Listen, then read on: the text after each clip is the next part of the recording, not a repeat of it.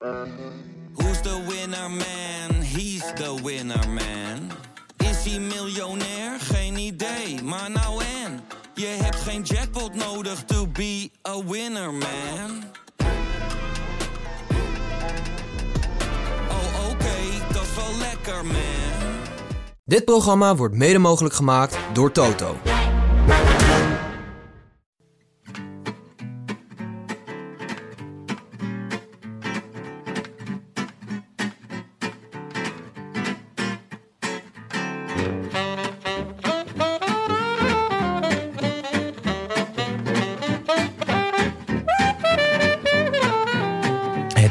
Maandagochtend 23 augustus en vanuit de Dag en Nacht Studio's is dit de Rode Lantaarn.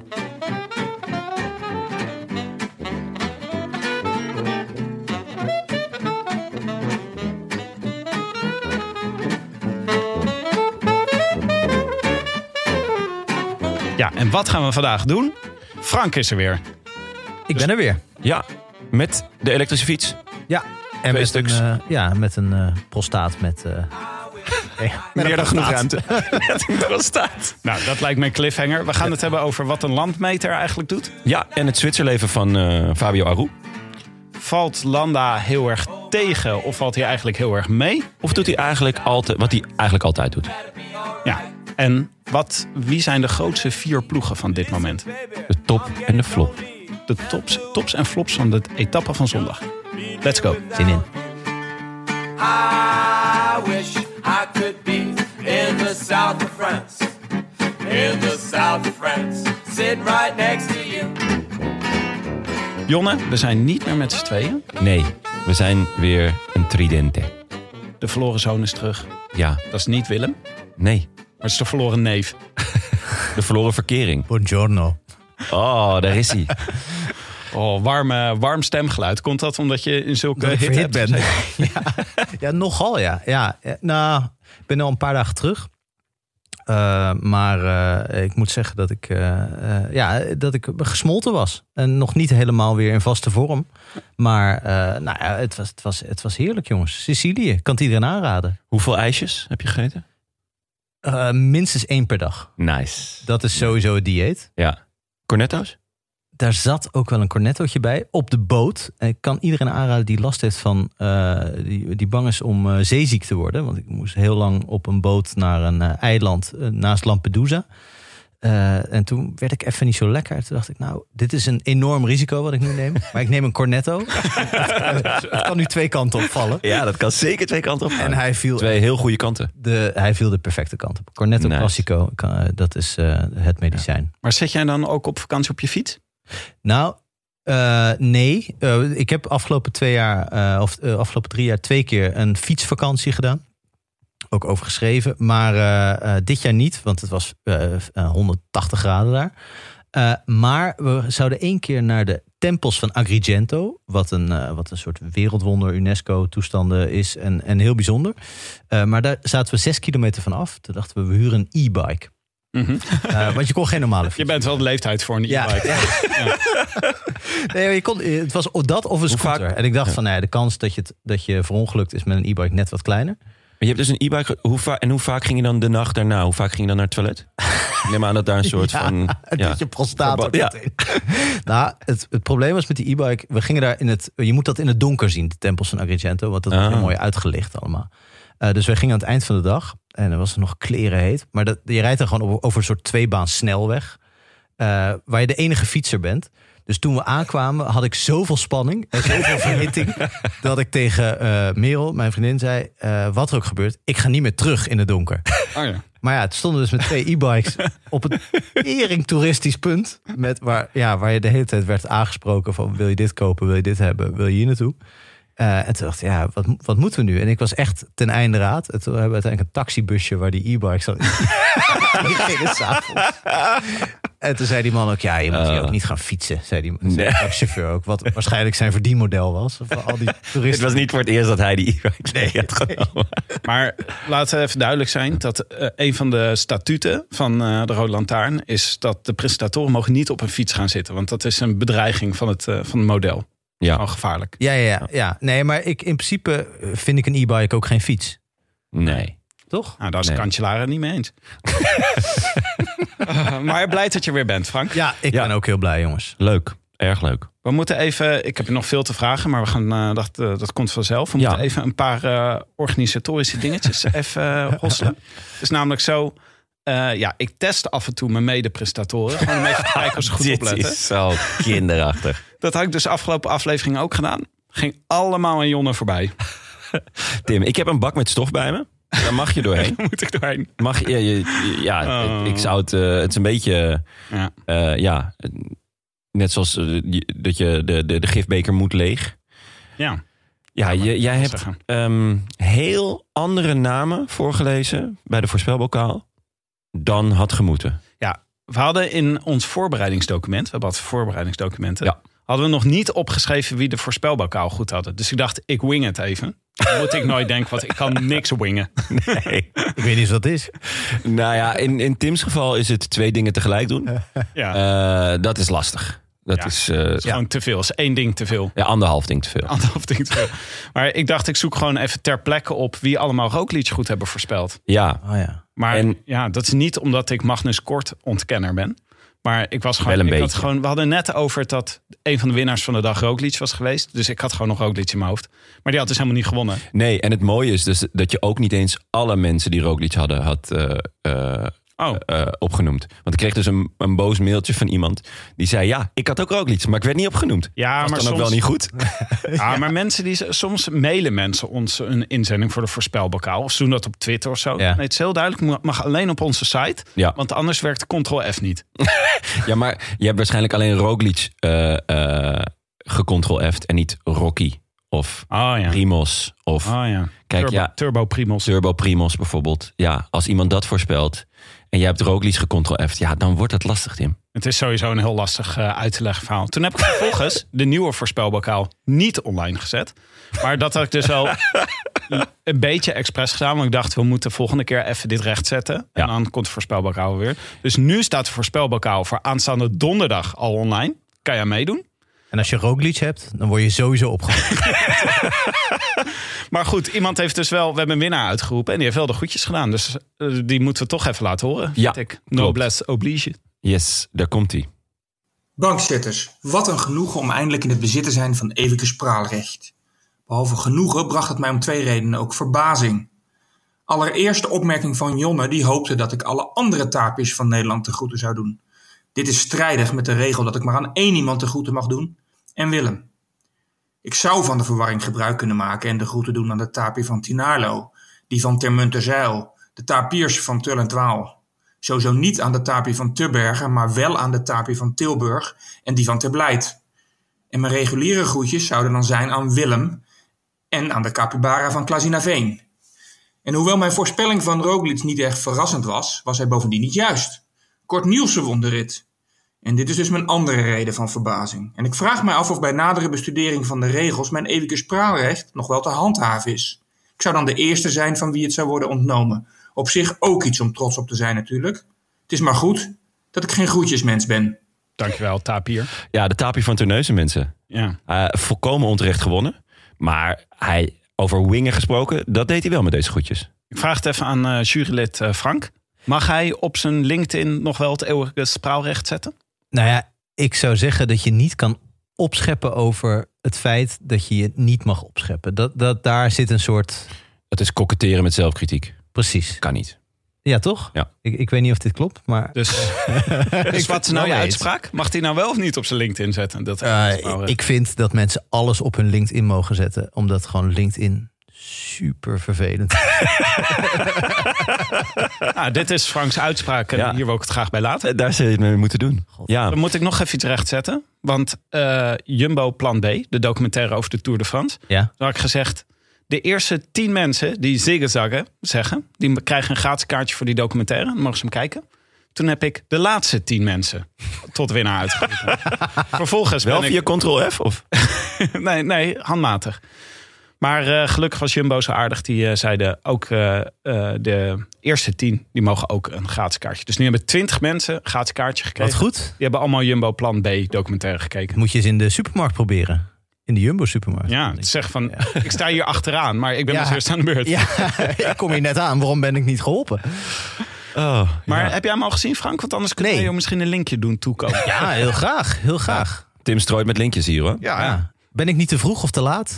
dus daar moet ik nog even over nadenken. precies op tijd. Dus het hangt van zomer en winter. Is het nou een uur vroeger of een... Nou ja, goed. Maar ik vind het wel heel goed dat mensen eindelijk een keer een kijkje krijgen achter zeg maar, de administratieve ja, Ja. rompslomp die zo'n podcast toch ook met zich dat meebrengt. is uitdagend. Mensen denken het is een beetje ontspannen met elkaar praten. Een paar Nee, nee, nee. Er komt heel veel rompslomp bij. Ja, er zit een hele back-office bij. Maar vanaf nu ben ik super scherp. Ja? Een van de dingen die ik ook heb gedaan, is een playlist gemaakt van alle liederen. Heb je hem al gemaakt, ja? Zeker. Oh, Tim, wat genieten. Hij staat op de rodelantaarnpodcast.nl. Ja? En dat is dus een playlist van liedjes waar wij aan moeten denken als we bepaalde renners in beeld zien. Ja? Zoals de oerklassiekers natuurlijk Hey Now, Hey Now, Don't Dream It's Over. Als Sergio Hey Now in beeld is. Ja. En we hebben natuurlijk At the Fausto, Fausto Masnada. de melodie van Barry Manilow. Ja. Fausto, Fausto Masnada. Juist. Ja. Eh, en eh, zo hebben we een aantal. En die heb ik gewoon in een playlist gezet. Maar nou kan je dat als quiz doen. Je kan natuurlijk gewoon die playlist aanzetten in de auto... en dan raden welke renner wij hebben. Oh, ja. En, maar Kun je daar nou opzoeken? en ben jij de enige die renners toe kan voegen? Of zijn, kunnen, kunnen onze luisteraars dat ook? Of is dat heel lastig? Iedereen is zeker uitgenodigd om daar eh, gewoon eh, eh, liedjes aan toe te voegen. Maar dan gewoon even via onze site. Want dan moet ik ze even handmatig in de. Ah, in de Dat gaat natuurlijk sowieso goed. Dat gaat, helemaal goed komen, ja. Ik ben zelf nog steeds erg blij met Baccioli. Ja, die, Ah. die was echt, What echt, You Need van Kanye West. echt spot Oh, ja. on. Ja, die was Baccioli. Ba- Baccioli. Ja, Ja, die was echt goed. En eh, iemand herinnerde ons aan eh, Sister Nancy. Bam Bam. Bam. Bambila. Bam Bam. Ja. Ja, moet je bam, even langer bam, bam. Ja, Ja, sterk, sterk, heel Dus sterk. eh, die heb ik ook weer aan toegevoegd. en eh Dr. Bernard ook al? Ja, die staat bovenaan. Ah, oké, nou, dan is het goed. Potso, u Dr. moet me zeggen, hoe gaat het nu met hem? Hoe gaat het met hem nu? Met hem nu, ja, sterk. Dus eh, die kan je op de site Wat vinden. goed, Tim, wat goed, wat heerlijk. Ga, En, ik, ga ik ehm, lekker luisteren zo. Ik, eh, ja, ik hamer, het er, ik hamer het er gewoon allemaal doorheen. Ja, is goed, kom maar door. Is zit, zat er nog iets in de mailbox? Ja, ehm, eh, Tim zende via de mail. Eh, in de afgelopen aflevering zei Jonne dat vanille op dit moment het duurste kruid op aarde is. Voor het bakken van taarten koop ik af en toe een vanillestokje en kan alleen maar beamen dat vanille erg duur is. Echter, toen Jonne het over het duurste kruid had, gingen mijn gedachten ook naar een ander duur kruid. Safraan. Ik herinner mij bij safraan een aflevering van de Keuring van- Waarde. Die laat zien dat safraan een enorm duur kruid is. Omdat de safa- safraandraadjes handmatig uit de bloemen geplukt moeten worden. En vanille kost dus 500 à 1500 euro per kilo. Maar safraan gaat daar nog ruim overheen. eh, met 5000 tot 30.000 euro per kilo. Zo Ja. de knetteré. Ja, dat is Dat is wel een hoop geld. Ja, safraan is een heel duur kruid. Maar het- hij reageert er natuurlijk op dat jij tijdens vorige aflevering... op een gegeven moment ging je op je borst slaan... en toen zei je, vanille is het duurste kruid dat er bestaat. Maar dat bleek dus niet waar. Nee, Het was safraan. maar het is wel heel duur. Het is wel heel duur. Ja, Safraan is tien keer duurder, hè? zie ik. Ja. Als, eh, als je Tim mag geloven.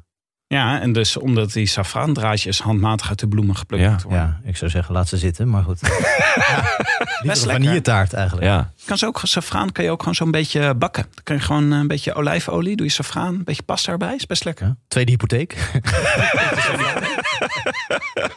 Maar daarnaast Vooral is het, best eh, lekker. Het, het gerecht heeft om vier ruggen gekost. ja. ja, het is best lekker. best lekker. Ja. Ik, ja, dat vind ik ook van truffel, vind ik ook best lekker. Ja, eh, maar ja, goed. Dus eh, waarvan akte? Nou, dat, dat eh, dankjewel voor de mail. Ehm, daarnaast hadden we natuurlijk nog een hele hoop eh, mailtjes over de afkomst van Ziggezaggen.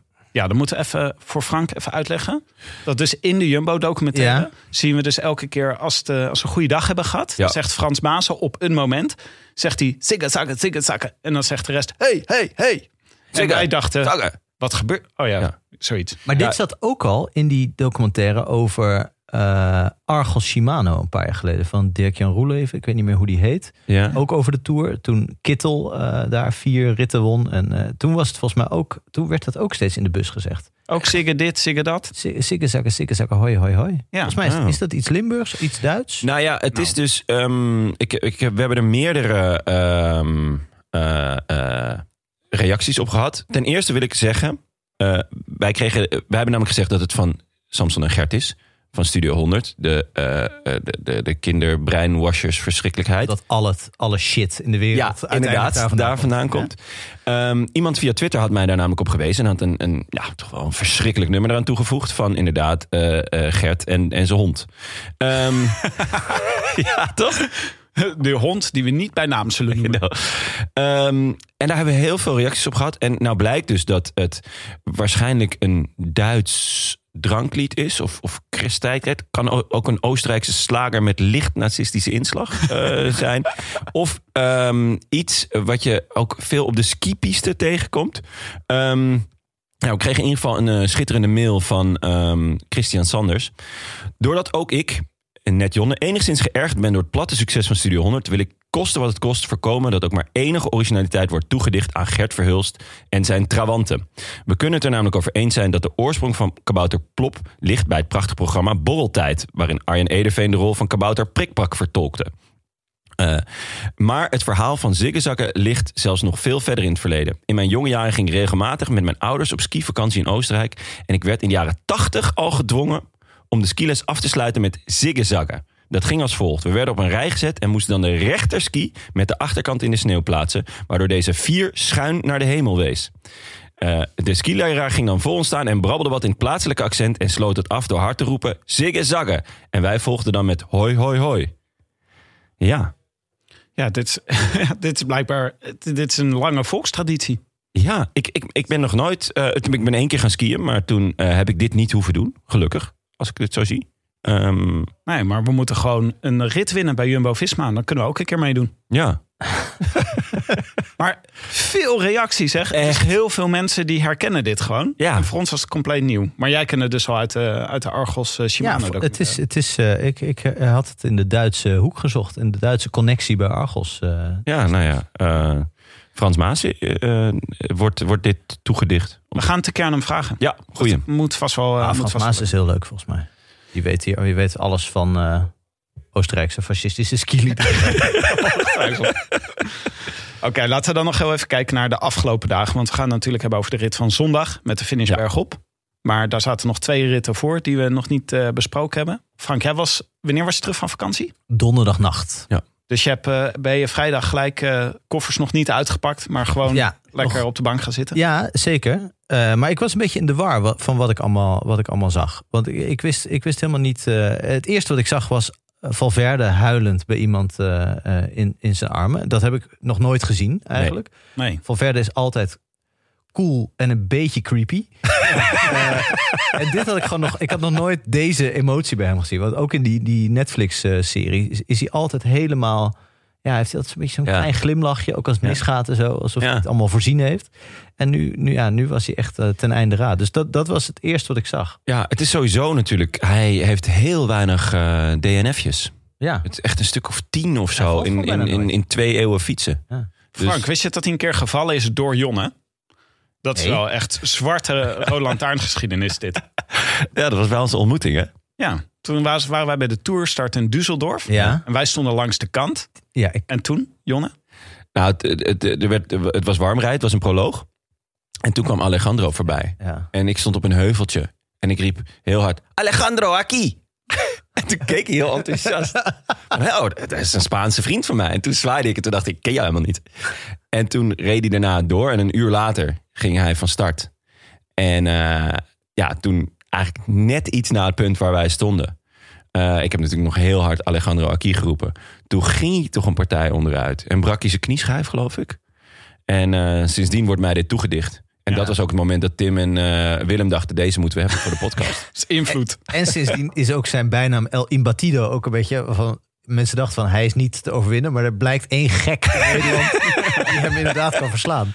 Dat was wel jammer, want het was een beetje zijn tour waar hij zijn kans had kunnen slaan. Ja, dat was een tour met heel veel eh, punch-etappes. En hij was toen echt in de vorm van zijn...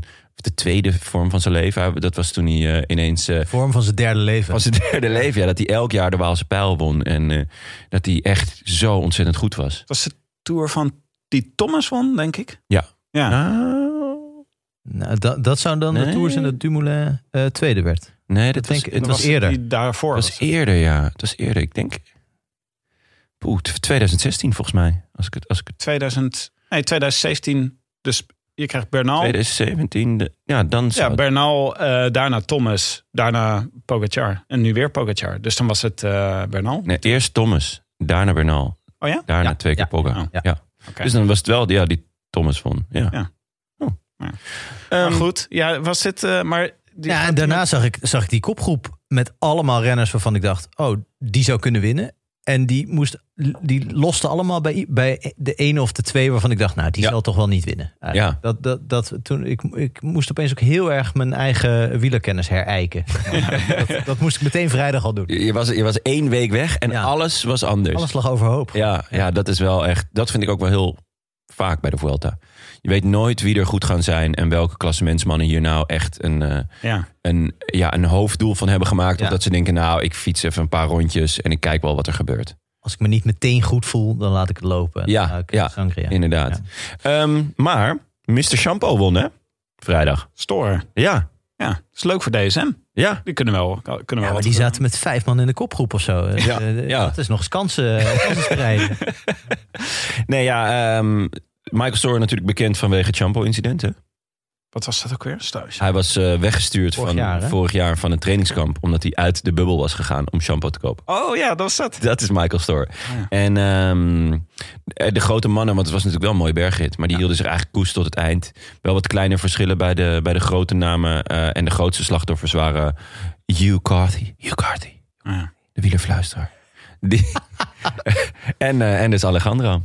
Ja. Was dit zijn laatste wedstrijd? Is dan de vraag van Alejandro. Michel Wuit zei heel opgewekt... Oscar Sevilla koerst ook nog. en volgens mij zelfs Mancebo ook nog. En Rebelli natuurlijk. Ja, Dus in principe eh, kunnen, hij kan nog tien jaar mee. kan hij nog tien jaar mee. Maar ja, ik, het, hij is sleutelbeen, hè? Ja.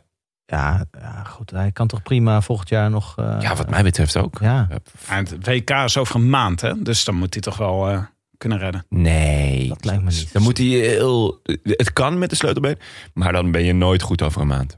Ah. Je, je kan met vier weken op de fiets zitten, volgens mij. Ja, je kan je met vier weken wel laten afdrogen door Wout van Aert. Denk ik. Ja, Dat, dat zit er wel in. Maar ja, wil je dat? Ja, dat is een goede vraag. Ja. Valverde wel, denk ik. Ja. Zaterdag, Fabio. Ja, het was, eh, ja, het was, ik was, zat er eigenlijk gewoon weer in de modus.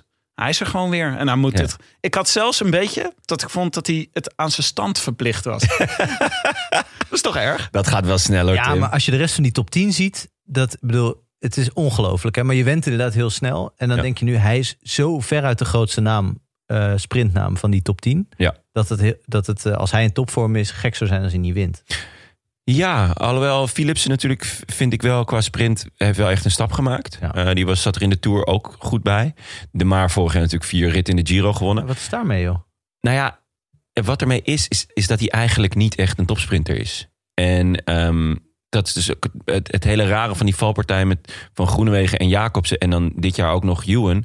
Ik heb eigenlijk in alle drie de grote ronden het idee gehad... eigenlijk bij elke sprint, ik zit naar de B-garnituur te kijken. Timmerlier. Ja, en die is wel echt snel. Maar ja, het is toch gewoon niet het niveau Ewan, Groenewegen en Jacobs is dan qua talent, komt hij er ook aan. Maar die is natuurlijk ook lang eruit geweest. En Bennett en Pascal ja, Akkerman. Bennett en Akki, die, die, hebben ook, die draaien een dramatisch seizoen. Dus we hebben in de Tour hebben we gewoon, ja, ja eh, Cavendish. Eh, maar die had ook nul tegenstand. Ja, op af en toe Philipsen na. En eh, ja, de Giro was het ook niet.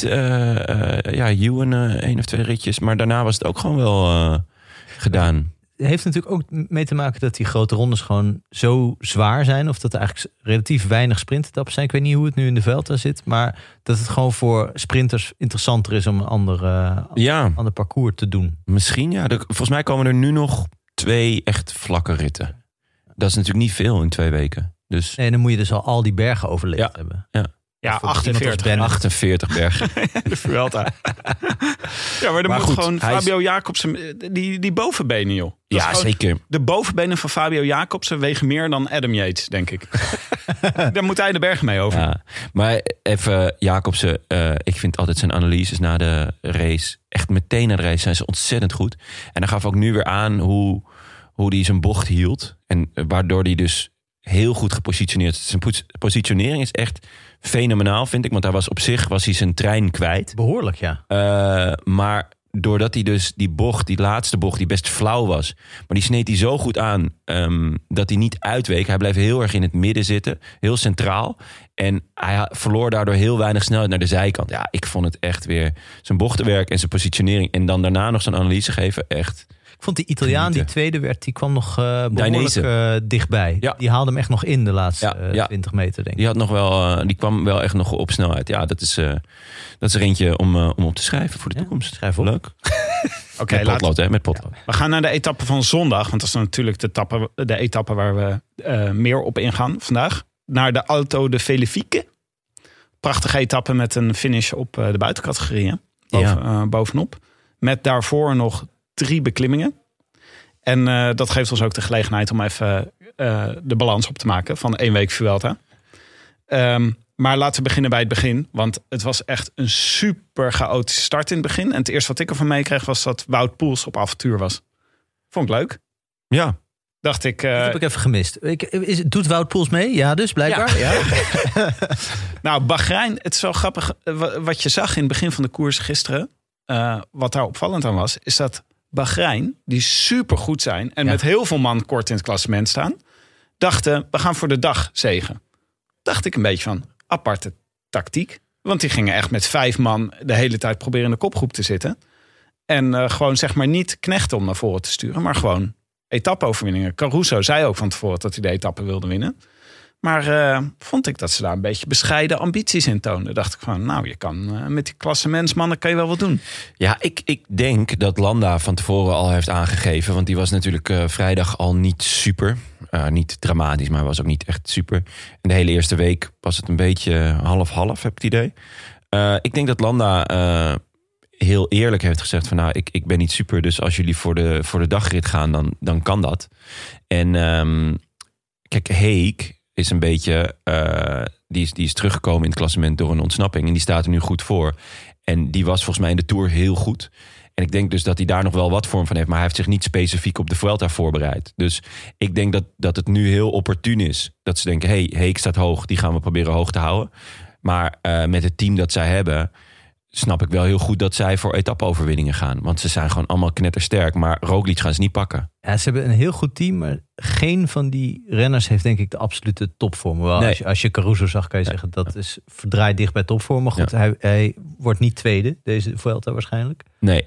En Ho- hoezo noemden jullie Caruso ook weer de landmeter? de landmeter van Marina di Ragusa, waar ik geweest ben trouwens. Deze vakantie. Ja, ja? Ja? dus ik zat. eh, En hoe groot was het? Het is een, eh, een badplaats bij Ragusa, wat een eh, hele toeristische, eh, mooie toeristische stad is. Ook weer UNESCO. Ik heb een beetje UNESCO-route gedaan. En, eh, en het rare is dus, het badplaatsgedeelte ligt 20 kilometer verderop. En dat is gewoon een stadje. En zijn vader was, vertelde Renaat Schot in de Giro ongeveer dagelijks, politieagent of, of werkte. en dat was in die tijd nog in Sicilië, het door de maffia eh, eh, geregeerde eh, Zuid-Sicilië. Misschien niet, niet de leukste baan om te hebben in zo'n kleine gemeenschap. En hij is landmeter. Ik weet niet wat je dan doet, landmeter, maar hij heeft een opleiding tot landmeter, Damiano.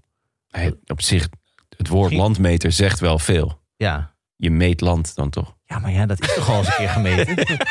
Is er een soort cartograaf dan of zo? Dat je dan degene bent Ja, maar je ziet wel eens mensen land meten. Je ziet het wel eens, toch? Eh, met zo'n soort cameraatje, weet je wel? Ja. Je Oh nee, iemand. Er is hier een landmeter Ja. die hier naar luistert. En ja, die echt zo wordt. facepalm. Volgens mij, eh, volgens mij is een vriend van mij die eh, is het? architectuur. Nee, die heeft architectuur gestudeerd. En daarvoor moest hij dus eh, op zijn HBO. Want hij heeft eerst HBO bouwkunde gedaan. Moest hij dus ook land meten. En was dat het vak waar hij iets het allermeest voor is gezakt, omdat het heel precies moet. Oh ja. Dus dat is toch met die gele, met die drie pootjes. En dan, Ja, dat dacht ik ook. Ja, ja, ja. Ja. Ja, en ik denk dus dat als je landmeter bent, dat je heel goed ook lange ontsnappingen kunt inschatten. Van, Ja. Omdat Ik je weet- weet, je weet hoe ver het nog is. Je weet precies hoe je krachten moet verdelen. Ja, want je, ja. Oh, classic. Ja, ehm, Maar Caruso, die was, die was in de Giro was hij al heel erg goed. Hier Ja. rijdt hij een beetje licht anoniem rond. Ja, nou ja, ik denk, de- ja, eh, de- ja, ze gingen natuurlijk gewoon echt vol voor een klassement met Landa. Die heeft net de Ronde van Burgos gewonnen. En eh, daar, daar zetten ze volop in. Dus de, de, de, de knechten, die hebben de eerste week gewoon al dan niet bewust wat tijd verloren. En daardoor denk ik dat, dat ze nu allemaal wat minder kort staan. Ehm, ook zodat ze wat meer vrijheid hebben voor, nou ja, zoiets als wat Caruso gisteren deed. Ja. ik zag een discussie op Twitter waarin, waarin iemand zei van... Goh, ja, eh, wordt altijd gezegd dat Landa tegenvalt. Want hij, hij valt gewoon regelmatig tegen. Eh, maar eigenlijk valt hij niet tegen, want hij heeft zo'n zwakke tijdrit. Hij kan in principe geen grote ronde winnen, dat is uitgesloten. Ja. Dus eigenlijk doet hij het best wel goed. Hij zit altijd bij de beste vijf, zes eh, in de grote ronde. Het Ja. valt ook wel eens tegen, maar meestal eh, levert hij wel, zeg maar. Alleen, het raar is natuurlijk, dat zag je ook in die Movistar documentaire... Dat, er- dat iedereen altijd het idee heeft bij hem dat er nog wat meer in zit. En dat hij misschien het soort klimmer is dat zonder tijdrit toch een grote ronde zou kunnen winnen. En dat, dat, dus, eh, dat daar de, de, de teleurstelling in zit bij hem. Ja, De schadevoorde is natuurlijk ook altijd een beetje dat Landa altijd kopman wil zijn. Ja, En dat vrijwel zelden lukt door omstandigheden. Of doordat er een betere kopman wordt gehaald. Of omdat er net iemand boven zichzelf uitstijgt. die in het klassement eigenlijk het meer verdient om kopman Ja. te zijn. Ja. Nu staan er vier Bahreins boven hem. Dit is echt. hij moet nu echt koffie halen. Ah, ze hebben nog alle vertrouwen in hem hoor. Hij heeft nog alle vertrouwen in zichzelf, denk ik. Ik denk, eh, ik denk misschien waar, de- wat jij zegt, Frank, eh, dat klopt wel. Je hebt altijd het idee dat er meer in zit. Ten eerste omdat hij natuurlijk een stylist is. Hij Ja. zit prachtig op zijn fiets en hij klimt ook zo mooi. En hij had natuurlijk die ene tour eh, dat, hij, dat hij voor Froome moest knechten. Waarin hij duidelijk de sterkste klimmer was. Ja. Daar miste hij volgens mij op één of twee seconden het podium. Werd hij vierde. Maar dat is altijd verraderlijk om een meesterknecht van iemand die wint. Ja. Eh, Poels is ook wel eens heel goed geweest in de Tour. Dat je dacht van, is hij nu de beste klimmer? Ja. Eh, Ja. misschien in de Giro ook een keer. Daardoor zit- hebben mensen toch het idee, denk ik, dat er meer in zit dan er daadwerkelijk in zit. Maar dat hij zo, zo slecht als hij dit nu rijdt, dat is wel echt opvallend, toch? Ja, ja, ja. ja. Verlies gewoon vijf minuten gisteren. ja eh, Wuits of de Kouwer zei ook eh, dat hij eigenlijk nooit goed is in de Vuelta. Ja, um, dat hij een moeizame relatie mee heeft. Ja. Dat, zou natuurlijk ook best, eh, best kunnen Ik herken me daarin. Ja, ik ook. Ik ben heel slecht altijd in Ah, jij bent langzaam van de Vuelta gaan houden, hè, jongen, toch? Jawel, nee, ook Je omdat... begon met de slechte relatie met de Vuelta. Klopt, ik, ik zit qua poeltjes en weet ik wat, zit ik al helemaal mis. Dus ik heb, ik heb gewoon besloten het wat, wat relaxter, ook met de Roland Taar, gewoon relaxter aan te vliegen. Het is niet erg als wij de verkeerde namen voorlezen eh, bij een voorspelbokaal. of als we een keertje de tapir van Terneuzen noemen in plaats van de tapir van Ja, ja, ja. ja. Timbuktu. Ehm dus nee, ja, als je hem gewoon wat relaxter aanvliegt... Dan, eh, ja, dan, dan ga je dus mee in de relaxedheid. eh, en eh, ja, ik, ik geniet, zeker. Nou, ik ben wel benieuwd hoe ze nu bij Bahrein van de rustdag gebruik maken. Want volgens mij gaan ze. Ik kan me voorstellen dat ze nu de plannen wel een beetje gaan eh, veranderen. Want je hebt nu eigenlijk vier ploegen die heel goed staan. En echt kans maken op een goede podiumplek. Natuurlijk Jumbo, maar ook Ineos en eh Mobistar en Bahrein. Dus eh, ik kan me voorstellen dat ze wel even denken dat die Stangelje. Die weet je wel, uit Ljubljana even over, overkomt. En dan, dan zegt: Jongens, gooi het helemaal om. We gaan met Gino Meder voor de eindzegen. Ja, nou ja, de, de- het, Jack is, Hake waarschijnlijk. het is wel, ehm, wat, je, wat jij zegt, eh, is wel echt heel interessant. Want eh Mobistar staat, Roglic staat natuurlijk eerst. En Mobistar staat met twee man eh, daarachter. Wel op, op, op afstand. Maar, en Bahrein zit dus ook met, met een aantal man kort. En Ineos ook nog. Dus ja, de, het, ik ben heel benieuwd of er iets van ploegentactiek... We zeiden dat vorige keer natuurlijk van... ah, zouden ze Valverde een keer aan laten vallen? Vroeg. Nou ja, die ging toen op zijn snuffert. Dat was jammer. Maar ehm, qua ploegentactiek kan er natuurlijk heel veel leuks gebeuren. Maar Roglic, want Roglic is gewoon te sterk voor, voor individuen, toch? Ja, maar ook voor ploegentactiek, denk ik. Of Ja? voor, en, en wat volgens mij ook zo is, is dat, dat de, de ploegentactiek, zoals bijvoorbeeld Sky, dat vroeger nog wel eens wist te hanteren door plotseling toch redelijk eh, eh, flexibel te zijn. Eh, dat zie ik bij Ineos ook niet echt. In de Giro vorig jaar een beetje. Ja. Maar toen was de tegenstand heel, heel zwak natuurlijk. En ja, Movistar, de, nou ja goed, kijk nog maar eens op Netflix terug. Wat, op welk intellectueel niveau daar wordt nagedacht. ja. Maar ja, de- daar is gewoon ni- niks tegen te doen. Dus ik denk echt dat, dat je bij Roglic moet, mo- moet blijven en hopen dat hij, eh, zoals een paar jaar geleden in de Giro, eh, eh, overmoedig wordt. ja. En, eh, en toch in de derde week het eh, laat lopen. En dan, dan staan, staat Massa natuurlijk het beste voor op dit moment. ja. Want eh, nog heel even terug eh, naar het verloop van de etappe. Je had dus Ja, een, die kopgroep. ehm, met nou, echt een hele goede kopgroep. Waar Caruso in zat. Maar ook met Calmejean en Madrazzo.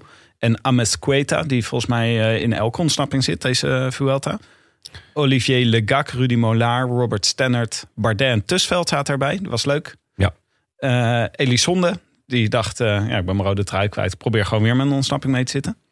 En Maika, van wie je ook altijd vergeet dat hij meedoet met de ronde.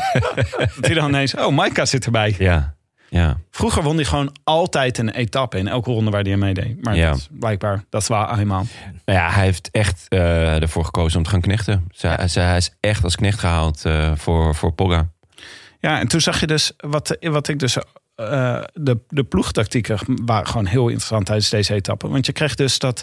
Volgens mij reed Caruso weg op die. Eh, op twee na laatste beklimming, de Alto Colado Venta Luisa, die volgens mij de zwaarste was van deze, van deze etappe. Ehm, reed hij weg bij die kopgroep, omdat Ineos daarachter enorm kabaal aan het maken was. Dus die gingen ineens eh, met z'n allen vooroprijden. En er was gewoon, ik was wel benieuwd. Volgens mij was de tactiek van de Ineos tijdens deze etappe. We gaan gewoon volledig los. We gaan er vol voor. Keihard rijden en dan hopen dat Bernal op het laatste moment goede benen blijkt te hebben. Op Ja. Yates. Of Yates. Eh, ik krijg toch wel veel signalen door dat eh, Yates de kopman is daar. Ondanks dat Bernal er momenteel nog beter voor staat. Ja, maar Eh, zo, zo eh, aanmächtig uit bij Bernal al. Ja, ja, klopt. En Yates probeert echt wel aan te vallen ook. Ja. Ehm, bij Yates is natuurlijk altijd enorm de vraag of je drie weken vol kan houden. In zijn eentje. Want hij kan natuurlijk. Nou ja, goed. ja, ja, dat is wel waar. Hij zou nog een wissel kunnen Ja. doen. Maar ehm Yates eh, staat vanaf begin van dit jaar staat hij op de rol voor de Vuelta. Hij heeft er ook echt naartoe gewerkt. Ik denk dat Ineos echt een plan met hem heeft ook om, om hem dus die drie weken aan te laten kunnen. Dus ik denk dat ze hem eh, gaan uitspelen. Maar het zou leuk zijn als Bernal dicht blijft, want dan kunnen ze nog een beetje proberen te spelen. Ja, als er nog een beetje doorheen komt. Nou, het is wel grappig dat Roglic eigenlijk in zijn twee Vuelta-overwinningen ook niet zo heel goed was in de derde week. Dus dan krijgen we nu toch een gehandicapte derde, derde week zometeen. Ja, Super zware week. En dan, Roglic was natuurlijk top. eh, eh, hoe, hoe lang is het geleden? Zes weken, zeven weken geleden. Aan het begin van de Tour. Acht Ja. weken geleden misschien wel. Dus dat trekt hij in principe gewoon helemaal door. Via de Olympische Spelen eh, naar Japan op en neer. En dan nu, ja, dat kan natuurlijk. Dat de derde week dan eh, de pijp leeg een is. beetje te gortig wordt. Ja. ja, en de kunnen. zwaarste derde week ooit volgens de parcoursmaker van de Vuelta. Misschien wel, hè? Misschien wel. maar wie is er altijd goed in de derde week? Is Mas altijd heel goed in de derde week? Steven Mas, is een, eh, Steven Kruiswijk. Mas heeft wel vaak een goede, goede derde week. Ik las gisteren een interview met hem dat het lang geleden was dat hij zich zo goed voelde. Ehm, Nou, dus sta maar op een halve minuut. hij staat op een halve minuut en hij, eh Roglic heeft hem nog niet eh, kunnen lossen, volgens mij, eh, in, eh, in, in de echte bergrit. Volgens mij wel die punch-etappe. Daar, daar moest hij iets prijsgeven. dacht Ja, dat is niet ideaal voor hem. Volgens Nee, Mas is toch een beetje een, eh, een Opel Astra Diesel. Dus ehm, Komen die langzaam op gang? ja, eh, Mas, ja, het is gewoon een- best een saaie renner, toch? Ja, maar Beetje dit is echt een totaal andere Mas. Dit is gewoon... Mas. Mas, Mas, Mas. De Ramstein-Mas is gewoon... Dit is Ramstein Mas. Ja, maar hij, hij demareren, op Ja. kop rijden, maar ook een beetje spectaculair eruit zien. Ja. Ik herken hem ook gewoon. Ik eh, heb een hele tijd gehad dat ik Mas gewoon nooit herkennen. Dan was er gewoon, bleef er één Mobbystar over die, waarvan je dacht, nou dat moet dan wel Mas zijn. Ja, hij neemt altijd een beetje de kleur van het behang aan natuurlijk. dat is een beetje zijn... eh, ja, dat- zit ook in die Movistar documentaire. Dat, dat hij dus, hij is de kopman, maar hij is de enige die dan niks zegt in, in die bus. Dan zit hij een beetje zo glazig voor zich uit te kijken. Een beetje Mark Soler-achtig. maar, ja, maar nu is het inderdaad wat spectaculair. Het is mas-mas is het eigenlijk. Dit is Mas Mas. Ja, het is, Dat is fijn. Ehm, dus dan zouden we zeggen, niet meer een Opel Astra, maar een, een CLT Ibiza of zo. ja, maar dit- hij, is, ja, hij, hij stijgt echt boven zichzelf Ja. uit deze Vuelta. Dus we kunnen nog veel van verwachten. Want eh, de slotklim zagen we, het plan van de Ineos ontvouwde zich als volgt. Dat ehm Yates ging aanvallen. Ik twijfelde een beetje of het kopwerk was of dat het aanvallen waren. Ik zat er goed naar te kijken. Ja, het dacht, is volgens mij het zijn, het is, eh, het zijn aanvallen vermomd als kopwerk. dat denk ik echt. Hij gaat wel. Dat is ja, volle sprint en dat hij dan achter. Oh, sorry, ik wist niet, eh, ik wist niet dat je moest lossen. Ja, we, ehm, hier moeten jullie mij even inlichten, want ik heb het eh, teruggekeken. Ik kon de, de etappe niet live eh, kijken door een, uh, een vrijgezellenfeest. daarom klink je ook zo hè, vandaag. Hoe, hoe bedoel je, Tim? Nou, zo zwoel. Zo mooi bedoel je? Mooi, mooie hees. Ik, ik klink toch niet heel gek? Tom Waits.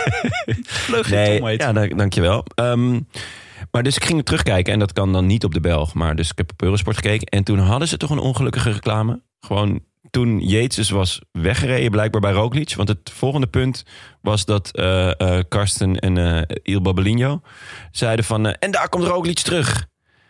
Ja, en hoe? En hoe, ja. Ja, hij kwam als een soort, ja, halve zool kwam hij terug. Want hij, hij zat dan in het zadel. Eh, Dat, is- eh, hij is de enige die zo klimt, ook volgens mij. Behalve ik op mijn e-bike. Eh, en nou, het ging zo hard. En, en, maar toen was ook Mas heel sterk. Maar bij Ja. Mas zag het er wel gewoon uit als iemand die, bij, wie het moeite kostte. Ja. En bij Roglic zag het eruit als iemand die echt eh, op een raket zat. Ja, maar dat, dat vind ik zo vet aan Roglic. Als hij dus goed is, Ja. dan, dan, dan is het een soort, soort, soort kogel. Hij had het in Parijs. kogelvorm. Ja, dat, dat je zo'n zo'n bulletje en die, die, die, inderdaad, dan gaat het echt op een heel spectaculaire manier. Ziet- Onorthodox. Ja, ja, ja, ja, zeker. Maar niet lelijk of zo. Een beetje gespierd of zo, geblokt. Ik weet het niet. Wel, eh, ja, het was echt indrukwekkend wat hij deed. Beetje alfa, alfa mannetje Ja, ja. hè? Beetje Ja, terwijl hij helemaal niet zo'n figuur is, toch? Nee. Hij, is, hij is best wel een bescheiden Ja. eh, vent. Ja. Die interviews achteraf, het blijft ook. Het was, dit keer was het ook echt weer heerlijk. Ja, hij weigert gewoon ook maar iets interessants te zeggen. Dus Ja. dan is het gewoon. Dat is echt knap. Dan zegt ze van, eh, eh, ja, eh, wat was dan je doel vandaag? Wilde je niet de etappe winnen? En toen zei hij, nee hoor, een hele mooie etappenwinnaar. Ik probeerde gewoon, Gezond te blijven. ja, ik probeerde gewoon niet te veel tijd te verliezen. Ik dacht, misschien kan ik nog wat tijd winnen op mijn concurrenten. Ja, ik heb bij hem wel eens gedacht dat zijn emotionele landschap een soort enorme polder is. Gewoon helemaal vlak. helemaal, ja, wel mooi, maar ook gewoon ja, weinig afwisseling. Zeg maar. Het is gewoon, denk je niet, een soort ei- oneindige horizon van hetzelfde. Nou, we hebben, iemand heeft ons wel eens verteld eh, dat, ja, dat, hadden we hij dit, keer over. ja, dat hij dat expres doet. Dat Ja. hij dus expres een beetje de Dirk Kuyt eh, van de... Ja, dat, en dat hij dat stiekem dus ook best wel geestig vindt. En wat is hij eigenlijk dan? Eh, nou, dat, Heel flamboyant. Diego Simeone. Ja, hij is eigenlijk eh, Mourinho. Is hij. ja. Tom Lezer was het toch? Ja, Tom Nees vertelde dat. Maar daar moet ik dus nu, als je door die bril naar zijn interviews kijkt, zijn ze ineens heel erg leuk. Ja. Want dan denk je gewoon, hij gaat weer Hij- iets hij- bedenken om zoveel mogelijk middle of the road te blijven. Ja. Ja. dat lukt hem met vlag en wimpel. Maar hij was hier lastig. dus. Maar ik verbaasde jullie ook niet een beetje tijdens deze etappe en eigenlijk ook vrijdag dat Jumbo eh, nou wel erg kort. Al die knechten kunnen wel erg kort mee. Elke keer op de laatste beklimming zit Roglic gewoon helemaal in zijn eentje. En ik denk gewoon van Bouwman en Omen. Die zouden toch. En Geesink, die zie je toch altijd wel meer in Ja, maar ik vond Kruiswijk wel weer heel Kruiswijk goed. is beter Kruiswijk en, eh, en Koes ook. Koes, Ja, Koes blijft als laatste over, maar Kruiswijk. ja, Kruisjes kon alleen zat net. er echt lang bij, toch Ja, ook maar- gisteren? Hij zat erbij. Maar Ja. werk doen, Omar. Ja, ik, ik heb hem ook wel op kop gezien. Niet, misschien niet, niet gisteren, maar, maar vrijdag wel. Het is Ah, ik- altijd met het bergop rijden, als je dan nog twee, drie man hebt, dan kan het zijn dat, er, dat het eerder ontbrandt, zodat voordat je aan de beurt bent, je er eigenlijk al af bent. Dat, dat is op zich Ja. is dat Ja. ideaal eh, als werkdag. Maar dat, dat komt best wel vaak voor. Dus degene die als laatste overblijft, wat nu Kruiswijk en Koes waren, dan, Ja. dan kan het zijn dat als Yates al eerder demareert, dat Roglic zelf erachteraan moet. En Ja. dat zij dus eh, in principe niks gedaan hebben of te weinig. eh, in Ja. vergelijking met Geesink. Eh, die toch altijd wel zijn. eh, Ja, die komt dat hij heel vroeg eh, natuurlijk Ja. aan de beurt is. Ja, Maar- Ome, bij Ome weet ik niet zo goed hoe het, hoe het ermee staat eigenlijk. Ik, Ik denk, ben eigenlijk wel tevreden. Ik vind dat hij best... Ik vind dat hij wel... eh, in ieder geval tot de laatste klim zit hij er altijd bij. ja, maar het is nog niet op het niveau. nee, het is nog niet negende in Giro-niveau. nee. Nee. dat klopt. Niet maar, potentiële toerwinnaar eh, niveau. nee, maar wie weet. Maar- het, eh, Maar ik interpreteerde dit toch een beetje eh, wat er gisteren gebeurde. Als Jumbo vond ik vrijdag ook al niet zo sterk. Ineos dacht gewoon, weet je wat, we gaan proberen die Jumbo's er vroeg af te rijden. Zondag. Dat lukte iets minder goed dan vrijdag. Maar ehm, volgens mij gingen ze daarom zoveel kopwerk doen. Om gewoon te kijken of ze die Jumbo's al zeg maar op die eh, op twee na laatste beklimming. Die eigenlijk de stelste was. Ja. Om ze daar af te rijden. nou ja, En uh, Roglic isoleren lukte eigenlijk best wel goed. ja. Ja, maar Alleen Koes is goed. Ik, ik zag dat Hofstede ook meedoet. eh, en Bouwman trouwens. En eh, Hofstede was natuurlijk degene die ongeveer vorig jaar de, de Vuelta heeft gered voor, voor Ja. Roglic. Ja. Eh, op die laatste kale klim toen Carapaz ja, schitterend. was En dat was, nou, toen waren er nog 15 of 20 man over, waar Hofstede dus bij zat. En Hofstede zit nu, nou ja, die, die haalt de live uitzending eh, eh, bijna niet. Nee, Dus ik weet niet of het is gewoon een andere verdeling. Er zijn natuurlijk veel meer klimmers eh, aanwezig, dus hij moet gewoon eerder aan de bak. Eh, maar misschien is het ook gewoon net. Dat kan. Of ze hebben natuurlijk ook een andere indeling gemaakt van nou week 1 jij, week 2 jij, week 3 jij. Ja, zou dat, echt zo verdeeld worden? ja, ik heb het idee dat er bij Jumbo wel een dergelijk idee achter zit. Maar Deze is altijd met Pools hè, bij, eh, Ja. bij Ineos. Ja. Dat Pools altijd in de derde week goed moest zijn. ja, Ja. ja. Vind ik wel een mooie tactiek. Want misschien, eh, misschien is dat wel de rol van de Ome dit keer. Dat hij dan net niet 100% moet gaan tijdens deze etappes. Om dan in de derde week wel 100% te zijn. Ja, maar dat, ik vind het ook goed hoor dat hij niet eh, 100% gaat. Want dan, ja, op, op, op de beslissende momenten moet hij erbij zitten. En ja, dit was nog niet beslissend, toch? Nou, wat je altijd in de Vuelta hebt, en moet, moet ik altijd denken aan die eh, rit, volgens mij die Contador, oh, hoe Contador ooit de Vuelta won van Rodriguez. Door, in zo'n best wel normaal, en eh hoe het, eh, Menchov heeft zo'n keer de Vuelta verloren van Heras, volgens mij. Dat ze ja, gewoon op een vrij willekeurig moment, eh, op een klein heuveltje, opeens met vijf man van destijds Liberty Seguros of zo. Ja. En, eh, of bij Contador eh, CSC, ik weet niet meer welke ploeg. En dan gewoon, ja, de, de, de tegenstand kapot rijden. Als er nog bijvoorbeeld 30 man in zo'n groepje zitten. En dus net te weinig knechten van de. En dat soort momenten moeten Omen en, en Geesink en Hofstede en zo gewoon eh, volle bak zi- eh, Ja. zijn. In principe, dat bergop finishen. Ja, Ja, dat kan buitencategorie, dat kan Roglic zelf ook wel. Ja, ja. Dus dat zijn eigenlijk niet de plekken waar zij hun moment moeten pakken, denk ik. Ja, misschien was het inderdaad strategisch om gewoon eh, al die, die Geesings en zo, dat die ook prima eh, op 20 minuten kunnen finishen.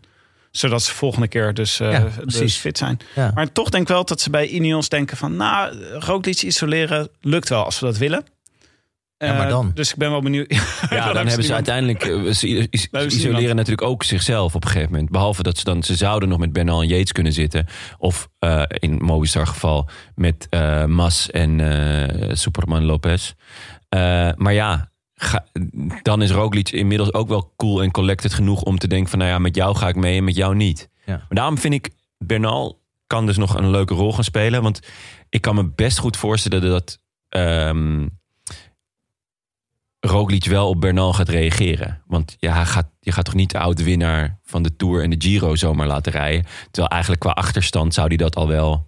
Als je in een kopgroep zit, weet je wel? Als je ineens met Heek of Nee, zo... ja, bijvoorbeeld als, eh, je, als, als Bernal een keer vroeg aanvalt. Dus, dus laten we de theorie nemen dat, dat bij Ineos Adam Yates de kopman is. En dan kun je zeggen, oké, we gaan spelen met Bernal. En eh, ik ga eh, proberen eh, Bernal in een, in, een, in een vroegere vlucht te krijgen. Of weet je wat, dan, dan kan ik me voorstellen dat, dat, dat Jumbo en Roglic zenuwachtig worden. Maar dit is echt wishful thinking volgens mij. Want ik, als ik Bernal gisteren zag, dan dacht ik... volgens mij is het weer net als in de Tour van vorig jaar... dat het gewoon steeds een beetje minder wordt. Ja. Dat hij misschien het einde niet haalt, eigenlijk. Oeh, Ja. listig. Nou, de, Vandaar dat jij ook Maar- eh, hem niet in je top 3 hebt staan. Ik heb Pitcock genomen. ja, Pitcock was wel aanwezig gisteren. Veel kopwerk gedaan. Aanwezig in de vorm van dat Hij gewoon... Hij had het start, Hij deed de mee. startlijst getekend. Ja, ik kwam wel weer op heel veel afstand binnen. Maar even voor deze, want eh, mooie, mooie etappe-overwinning van, eh, van Caruso. Dat was, eh, Ja, die was gewoon, die deed wat hij wilde doen. En eh, deed dat ook heel erg goed. Hij heeft 70 kilometer of zo in zijn eentje gefietst. Insane. Ja. ja. Nou, lekker. Echt. Dus ik zou zeggen, als je tops en flops moet doen voor deze etappe. Oh, leuk. Ja, ik had, al- ik had hier al over nagedacht. Tops en flops. Nou, de tops waren toch echt duidelijk. Caruso, omdat hij de etappe heeft gewonnen. En Roglic en Mas, omdat ze beter waren dan alle klassementsmannen. Ja. Ja. Maar daar heb ik best wel veel flops op geschreven. Ik ben echt benieuwd wie er nu allemaal komen. Nou, Landa heeft echt een kutdag gehad gisteren. Vier minuten verloren op Roglic. maar Vlaasov was ook ineens Ja. gewoon... Ja, gewoon Die is ook, eh, ik denk, daar gaat, heb ik ook het idee dat het langzaam leegloopt. Is dat niet gewoon iemand die altijd één slechte dag heeft? Klaashoff? Was vorig jaar wel het geval, ja. En toen kwam hij nog wel goed Kwam hij terug. nog terug, Ja, ja. tweede, derde week. Maar hij stond, nu stond hij best wel kort. Eigenlijk eh, na die punch-etappe stond hij, eh, was, was hij ook echt aanwezig. En nu mwah, valt toch wel een beetje terug. Vlaas van Aru? Ja, ik kwam met Aru binnen. Ja. Dus, maar voor Aru zou ik zeggen... Misschien moet hij moet die juist wel weer dan naar de topcategorie. Want voor finishen met. Vlaasov is heel goed voor Aru. Ja, ja. En Aru zit al in principe in dat Zwitserleven gevoel van pensioen. Ja. En dan is het best wel knap. Het Zwitser levengevoel van Aru. Heerlijk. We zijn hem, Dat is eh, een mooie titel voor je volgende boek. Ja? We hebben, hem, we hebben hem een aanbod gedaan om eh, volgend jaar ook als eh, host hier bij de Roland Lantaarn aan te schuiven. We hebben nog niks van hem gehoord. Maar Nee, ja, goed. Ja. dat, Maar graag eh, plaats hoor. Hij is, hij is Ja, natuurlijk ik ook. Iedereen eh, van ons eh, denkt gewoon, ja, als Aru... eh hij Hij wel staat een grote mond. eh, extra grote microfoon gaan we voor hem kopen. Gaat, gaat hij top 15 rijden, Jonne? Hij gaat top 15 rijden. Misschien wel top 12. Top 12. Ja. Jeetje, ja, nou, dan ben ik echt door het dolle. Geef je dan een feest? Ja, Carapaz op 8,5 minuut van Roglic gisteren. Ja, dat Zo, is, is ja. toch- ja, dat vind ik gewoon ook... Ook al weet je wel, is het einde van het seizoen, is toch wel erg slecht. Ja. Ja, die, komt, die komt op zijn hotelkamer, die kijkt naar zijn eh, gouden medaille, likt er even aan. Dan gaat dood. ik denk niet dat hij echt, eh, dat hij echt een probleem heeft daarmee. ja. Erg slecht ook gisteren Martin Laas. Helaas noem ik hem ook wel. Op één na laatste, zelfs achter de bus gefinished. Ah, wie was de laatste dan? Ja, weet ik niet. Eh, volg gewoon Martin Laas. maar- Ja, dat snap ik ook wel. Is een, Camper eh, van de vader van Martin Laas. het is een protégé van Willem, hè? Laas. Martin Laas. Ik wilde even erop wijzen dat Schachman ook nog meerijdt. Dat meen je niet. Echt? Ja. Pourquoi? Ja, wij zijn Schachman vergeten in de voorbereiding. Oh, En nu Terecht, blijkbaar. Ja. hij is zelf ook zijn voorbereiding vergeten. Misschien wilde, is hij heel goed in de derde week straks. Ik denk op het WK eigenlijk. Maar Ja, Ja, zou, eh, zou kunnen. Ja, ja, ja. over een maand hè. En eh, James Knox rijdt ook mee. Dat is ook zo iemand die veel mensen Ja. dan elke keer weer meenemen in een poeltje. ja, heb ik. 18 Check. kan worden in een Ik bergetappe. heb s- zowel Schachman als James Knox heb ik in, in, in een poeltje. En Carapaz heb ik trouwens ook wel in een poeltje. Dus je gaat weer lekker. Het gaat dramatisch. Maar als Tim de prijzen uitdeelt, maak je nog kans. Ik, eh, ja. ja, dat is waar. Ja, Is er, ehm, eh, waar geniet jij van deze Vuelta, Frank? Nou, ik heb dus nog maar weinig eh, meegekregen. Ik had, ik had er voordat we begonnen even met Jonne over. Dat zolang, als ik dus niet thuis ben of in het land ben of niet kan kijken naar wielrennen, dan bestaat het eigenlijk niet. Dus ik ben echt pas begonnen met kijken sinds ik weer thuis ben. Dus, dus de afgelopen twee, drie dagen. Eh, en tot nu toe eh, moet ik zeggen dat ik, dat ik vooral ook gewoon voortdurend geniet van het feit dat dit de laatste grote ronde van Michel Wuits is, in principe. Ja. En, en gewoon dat daar, dus dat heeft niks met koers te maken. nee, dat is ook al- mijn. eh, Daar denk ik regelmatig aan. Ja, Eh, en gewoon aan de superioriteit van Roglic. Daar kan ik wel van genieten, maar ik vind het eigenlijk ook jammer. Dus dat is een beetje eh, Ja. paradoxaal. Want ik vind het Ja. mooi en teleurstellend tegelijk. eigenlijk. het is de derde grote ronde waarin gewoon één heel sterke renner de baas is. De, Ja. Er is niet echt strijd om de. Nou ja, hopelijk nog met Mas. Eh, maar er is niet- toch. Ja, de Giro was Bernal gewoon oppermachtig. In de Tour was Pogacar meer dan oppermachtig. En nu lijkt het toch wel Roglic. Ja, we zijn vorig jaar een beetje verwend natuurlijk. Waar Ja. drie keer echt spektakel was met eh, duels en meer dan dat. Eh, dat is nu niet. Ja. denk ik. Nog even over Michel Wuits. Hij schijnt wel in gesprek te zijn met andere zenders. Ja, maar die, die dan niet de grote rondes hebben, ja, denk ik. ja dat is waarschijnlijk. eh, ja. Eh, de, Nou, hij gaat gewoon de Postco Loterijshow gaat hij doen op RTL 4. Goedenavond. dat zou- hij lijkt een beetje op Gaston. ja, lijken we niet allemaal een beetje op Gaston? Ik was over... Zit er niet in ons allemaal zo'n klein kaal gummibeertje? Nou, vooral in jou. Ja, dat, eh, Het is maar gewoon een kwestie van vijf jaar, denk ik. ik vond erg eh, de dynamiek tussen Karsten en eh, Jeroen van Bellegem vind ik ook weer erg leuk. Ja, zeker. Dit weekend was wa- wat Jeroen van Bellegem nu elke keer doet... is even kijken of Karsten ook die beklimming heeft gereden. En dan zegt hij altijd van... nou, we hebben natuurlijk een specialist hier in de Maar studio. Karsten weet dat nooit meer, toch? Nee, Karsten weet niet meer. Het gebeurt elke keer gebeurt hetzelfde. En dan begint Jeroen van Bellegem, neemt weer die aanloop. Die zegt van, we hebben natuurlijk een specialist eh, voor deze beklimming in de studio. En dan zegt Karsten niks. En dan hoor je hem op een gegeven moment zo... Karsten kijkt er al zo om zich heen. Zit er nog? Hoeveel mensen zitten eigenlijk in deze studio? Ik vind het heel leuk dat eh, Jeroen van Bellegem dat elke keer blijft Ja, doen. En ja, ja. Karsten nou ook niet op voorbereid. Dus Nee. niet vooraf zegt, hey, je hebt deze ook gereden. Misschien leuk als je straks even een anekdote vertelt. Maar Karsten elke keer... Ja, je hebt dit natuurlijk weer opgezocht. hè." Ja, hij vindt statistieken ook echt iets voor losers. Ja, ja, ja. Oh, heerlijk. Maar volgens mij is Jeroen van Bellegem ook een van de weinige eh wielerjournalisten of commentatoren of verslaggevers die zelf volgens mij niet een fanatieke tourfietser of amateurfietser is. Voor wie dat dus zelf echt eh, een andere wereld is. Ik herken dat wel. Ik, Ja, ik ook. ik eh, fiets ook niet zoveel, of in ieder geval op heel laag niveau. Maar heel veel mensen doen het wel een soort van semi-professioneel of heel fanatiek. Ja. Dus die eh, hebben al die bergen wel allemaal gedaan. Ook als eh bijvoorbeeld Herbert Dijkstra en zo. Dat zijn allemaal Ja. mensen die de, nog zo'n soort van semi-professioneel eh, in de jaren negentig in Spanje al die bergen op zijn gehengd. Eh, Ja. Maar voor, voor Jeroen van Bellegem is dat denk ik echt een soort, ja, een soort mythische wereld. Eh, Ja, dat herken ik wel. Dat herken ik enorm, ja. Ja. ja. Nou, ik heb natuurlijk wel veel grote bergen bij naam staan, maar toch. Ja. maar altijd met een Sherpa. Nee, ja, dat, dat klopt wel. Ja. ja, en inderdaad, Karsten, Karsten reageert dan ook een beetje licht gepikeerd. Ja, dat weten we toch allemaal niet, joh. Heel leuk. Ik vind het echt heel leuk. Ja, goede dynamiek, zeker. Wat dat betreft is het wel lekker, hè? want ehm Sportza begint een uurtje later dan, eh, eh, dan Eurosport elke dag. Dus dan pak eerst even een uurtje Jeroen en Karsten mee. En dan, Ja, eh, Ik wist ook veel van Ja. telefoon, en televisie en zo. Ja. Weet je wel? En telefoon is altijd Eurosport. Dus dat is een mooi afwisselen. Maar eh, Tim, de voorspelbokaal. mijn lievelingspuntje. een heet hangijzer. Op eh, de rolandtaarnpodcast.nl kan je natuurlijk eh, weer gaan meedoen met voorspelbokaal voor donderdag. Maar eerst nog even, nou, laten we het zo zeggen. We doen niet de voorspelbokaal van gisteren, van zondag. Maar we doen nu de echte. Wie had het dan goed met die overwinning van Magnus Kort afgelopen donderdag? En die mag nog Ja. even de goed te doen.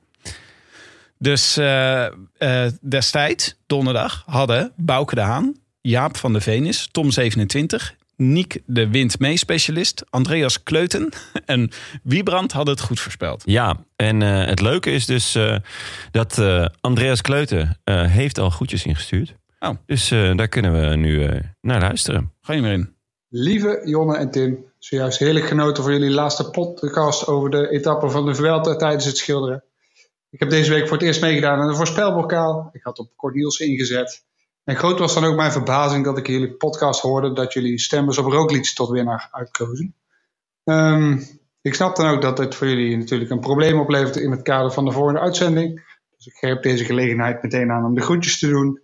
Ik doe graag de groetjes aan mijn vrienden van Even Weg uit Sint-Michiels-Gestel. En daarnaast doe ik de diepe groet aan Willem als hij in het volg wel ketchup bij zijn worstenbroodje eet. Groetjes van Bart. Ja, dit is dus heel knap. Want hij heeft deze groetjes dus al drie dagen geleden ingestuurd. Terwijl hij toen nog niet eens wist dat hij was verkozen tot winnaar. Dus hij wilde gewoon graag de goed aan Willem doen. Nee, ehm, hij had dus gewoon al gemerkt dat wij een fout maakten. En dus als rectificatie ingestuurd. En toen maar gelijk de groetjes gedaan. Oh ja. Schoolvoorbeeld van proactiviteit. Ja, dat is echt goed gedaan. Ja, dus, ja we hebben ehm, ook nog nooit zoveel interactie gehad op onze site als dit weekend. Nee, het was gewoon- echt Dat is hetzelfde als mayhem. als je lezers wil voor je krantenartikel, moet Ja. je altijd een typfout maken in de krantenkop. Daar gaat iedereen op reageren. En dan denken al die algoritmes, weet je wel, van Twitter Ja. en Facebook, denken, hier wordt superveel op gereageerd. Het is een heel belangrijk artikel. Dit is het systeem hacken. Ik zweer het je. Nice. Lekker Tim. Ehm, we doen even een, een snelle vooruitblik, want die is eigenlijk heel makkelijk. Dinsdag, woensdag en donderdag. Spaans vlak met op 20 kilometer van het einde een beklimming van de tweede categorie. Zo, dat worden dutjes. Dat worden een hoop dutjes. En eh, als het goed is, eh, staat dus vrijdag eh, Michael Matthews in zowel de rode, de groene als de bolletjestrui. Ja. Nou ja, maar je weet het nooit met Michael, waar Nee. hij op getraind heeft. Dus donderdag. laat maar raden. Een beklimming 20 kilometer van de finish. Ah, er zit ook nog eentje van de derde categorie in. Maar eh, vooral die, die, die in, de, in de diepe finale is natuurlijk wel echt eh, spannend. Ja, ik denk Matthews.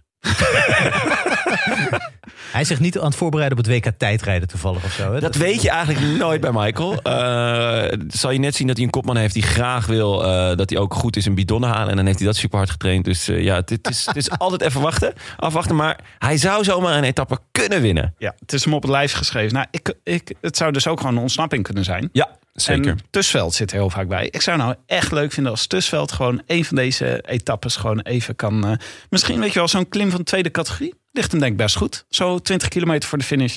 Daarna is het gewoon keihard rammen. Ja, moet hij wel ook nog op zijn fiets blijven zitten. Dat is toch altijd wel een heikel punt bij eh Ik zou het gewoon. dus Veld. Maar laten we het hopen. Het zou echt mooi zijn. Ja, En jij, Frank? Ja, volgens mij kan er maar eentje winnen. En dat is eh Sepp van Marken.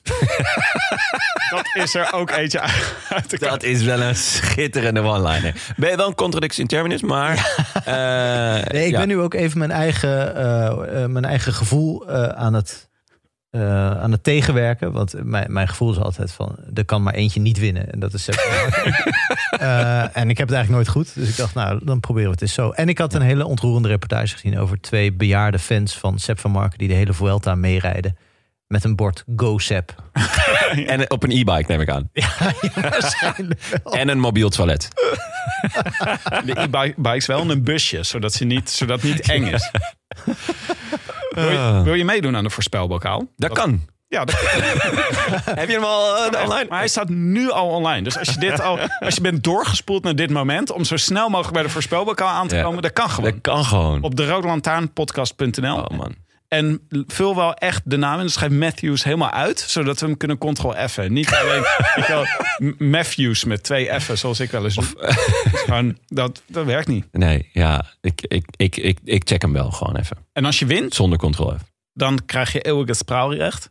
Al dan niet voor op je LinkedIn. Ja. En je mag één iemand goed te doen en Willem. Leuk. Mooi toch? Ehm, nou, u luisterde naar De Roland Taarn, de podcast voor wielerkijkers, gepresenteerd door uw favoriete collega-bankzitters Tim de Gier, Frank Heijnen. Goed dat je er weer bent. En eh, mijzelf, Jonas Riese. Veel dank aan onze sponsoren. Fiets van de show, hashtag Canyon. De Nederlandse Loterij. En natuurlijk Auto.nl voor de Cartjelara. En natuurlijk eh, onze nieuwe vrienden van de show. Zoals eh, Marco van Dal, Ruud Scheper, Maarten Poot, Chris Teunissen, Rutger Wolters, Klaas Lenstra, Heite de Jong, Arnou van Zeebroek, Pieter van Kan en Stijn Meijers. En ook Anne Kuipers, Paul Penders, Murf gefnuikt. Ja, daar, daar kon ik geen... ah, geen ja, dit was Murf gewoon... gefnuikt. Soms dan kan, je, dan kan ik niet het, de echte naam vinden. Maar ik, ja, het was ook schitterend. schitterend. Goeie. Murphy Ja, goeie naam. Ja. Misschien is het de echte naam. Ja. Jonas Westhoek, Joris Berghout, Jan Petit, eh Sjoerd de Rover, Mooie Jur van. Schijndel. eh, ja, mooie rover. Stijn van Bossegem en Philip Sas. Dank. En ook dank aan Basje Dant, eh, Edward van der Ridder, Leonor, Jelmer, Alexander Kooistra, Rob Kolner, Stan Gerrits, Maarten Moerkerken, Okke Koel en Sophie Huiskens. Prachtige namen. Wil je je aansluiten bij dit rode leger van inmiddels meer dan 1100 vrienden? Kijk dan even op derolantaarnpodcast.nl en trek de poeplap. De Roland Taarn wordt verder mede mogelijk gemaakt door Dag en Nacht Media en hetskoers.nl. Eh, met veel dank aan de redactie Bastiaan Gaillard, Maarten Visser, Leon Geuyen en notaris Bas van Eyck. Diplomeer, gediplomeerd brandweerman te Maden in het worstenbroodje en postduivenmekka van Nederland. Maar Willem is er niet. Eh, Tim en ik kunnen nu eindelijk doen wat we al jaren willen. Maar ja, Frank is er ook bij. Dus zocht naar een gemene deler. Dat is natuurlijk eh, onze eh, zeldzame sympathie voor Siewert van Linden. dus Hij is hier. hij is hier. Kom in. nee, ehm, ja, Arsene Wenger. Eh, We hebben Arsenal. gewoon Arsenal nieuws. Ja. Elke aflevering. Ze hebben weer verloren. Slechtste start in weet ik voor hoeveel jaar. Twee wedstrijden gespeeld, twee verloren. Ja. Kansloos, allebei. Hommeles is het. Hey, maar ik zag wel iets leuks. Ik zag ook dat Wenger... Ja. Ja, dit is een beetje secundair. Ik las namelijk dat Mascherano, Javier Mascherano... Oh. die had met Wenger gepraat. Toch. En Wenger had tegen hem gezegd... dat hij het WK elke twee jaar wil... in de plaats van elke vier jaar. Maar Ja. wat, heeft Wenger daar iets over te zeggen? Oh, die werkt bij de FIFA nu. Ja, die is- Ja. werkt bij de FIFA. Die die is is die zeg baan maar van wat Van Mar- Basten. Ja. Ja. Had, had Wenger niet gewoon eh, bondscoach van Nederland moeten worden? Ja, zeker. Ja, toch? Ja, ja, ja, absoluut. Mijn hemel. Dat was Of assistent van Van Gaal. Dat was ook schitterend. Een duo bondscoachschap. Van Gaal en Wenger. Dan is gewoon Stedtler en Waldorf van definitief Ja. verleden tijd. Dan hebben we gewoon daar een nieuwe variant. Ja, maar ze hadden hem Ah, gevraagd als bondscoach van Zwitserland. Maar daar had eh Arsène geen zin in. Ja? Ja, dat is- nee, dat is ook te neutraal. Dan doen wij het wel. Maar wat vinden jullie van elke twee jaar een WK? Nee, totaal niet doen. Nee, het vette aan het WK is dat het maar één keer in de vier jaar is. En eh, er Al- zijn al zoveel Ja, wedstrijden. al die voorstellen zijn alleen maar gebaseerd op walgelijke, geldachtige redenen. Ja. En daar moet je, zelfs al is het leuk, toch tegen zijn. Ja, inderdaad. Geheel mee eens. Ja. Nou ja, Tim, ja. heb jij daar nog wat aan toe te voegen? Nou, ik vind alles wat Wenger vindt. Dus dat is gewoon, Ah, oké. eh, Oh ja, daar wil ik graag achter verschuilen. Gelijk heb je. Nou, maar ik denk, had jij Zwitserland eigenlijk? nou, dat is wel leuk. Dat is wel een beetje, ja. En Denemarken. Ja. Maar daar komen we op. Laten we daar op een andere keer eh, verder over praten. Yes. Wil je reageren op deze Roland Taarn? Dat kan gewoon. Eh, je vindt het op Twitter en de Gram. En eh, mailen kan ook altijd op groetjes Wij zijn er eh, aanstaande donderdag weer. eh, als Zaagmans komt om de Vuelta door midden te zagen. zingen, zagen, zingen, zagen. Heb jij dit getypt, Tim? Ja, ik dacht, ik eh, schrijf het je gewoon voor. Je weet dat ik alles gewoon voorlees. dit gaat gewoon de eter in. Dit is Dit staat voor eeuwig, eeuwig op online. het, het interwebs. Jonne kan nooit meer een baan vinden. Nou, in dit geval, jongens, ziggen, zaggen, ziggen, zaggen. Ja. Eh, adios, amigos. Hoi, hoi, hoi. Oh, hoi, hoi, hoi. We moeten nog even werken eraan. Ja, dit is eh, eh, goed. Mooi slot. Adios. Adios. Adios. I wish I could be in the south of France. In the south of France, sitting right next to you.